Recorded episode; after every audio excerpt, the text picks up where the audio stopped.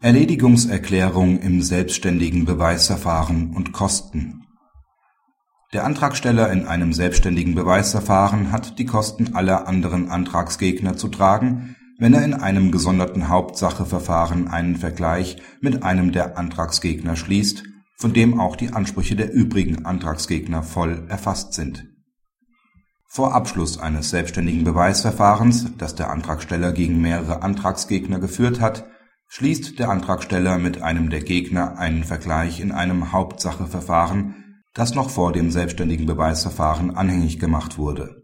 Von dem Vergleich sind auch die potenziellen Ansprüche gegen die übrigen Antragsgegner erfasst, die an dem Vergleich nicht mitgewirkt haben. Im Anschluss daran erklärt der Antragsteller das selbstständige Beweisverfahren für erledigt. Das OLG legt die einseitige Erledigungserklärung als Rücknahme des Antrags auf Durchführung des selbstständigen Beweisverfahrens aus.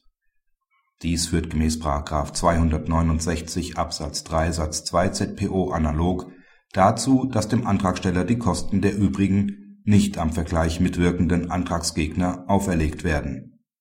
Grund hierfür ist, dass die Antragsrücknahme hier nicht auf einem Ereignis beruht das das Interesse des Antragstellers an der Beweiserhebung entfallen lässt, sondern die Entscheidung wegen des Vergleichsabschlusses aus freien Stücken erfolgte. Kritik Zwar folgt die Entscheidung auf dem ersten Blick den Erwägungen des BGH in NZ Bau 2005 Seite 42, wo der BGH dem Kostenantrag stattgab, doch dort erledigte sich das Verfahren, weil der Antragsteller schon ein Privatgutachten eingeholt hatte und kein Gerichtsgutachten mehr wünschte Dagegen ist nach einer Entscheidung des OLG Hamburg keine Kostenentscheidung veranlasst, wenn sich das Verfahren durch Anerkenntnis der Mängel erledigt.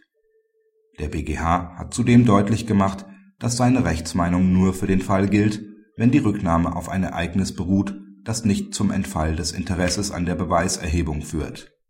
Wenn aber ein Vergleich mit einem der Antragsgegner geschlossen wird, der alle Ansprüche erledigt, dann besteht kein Interesse an weiterer Beweiserhebung zumindest dann, wenn der Antragsteller durch diesen Vergleich weitgehend wegen der Mängel befriedigt wird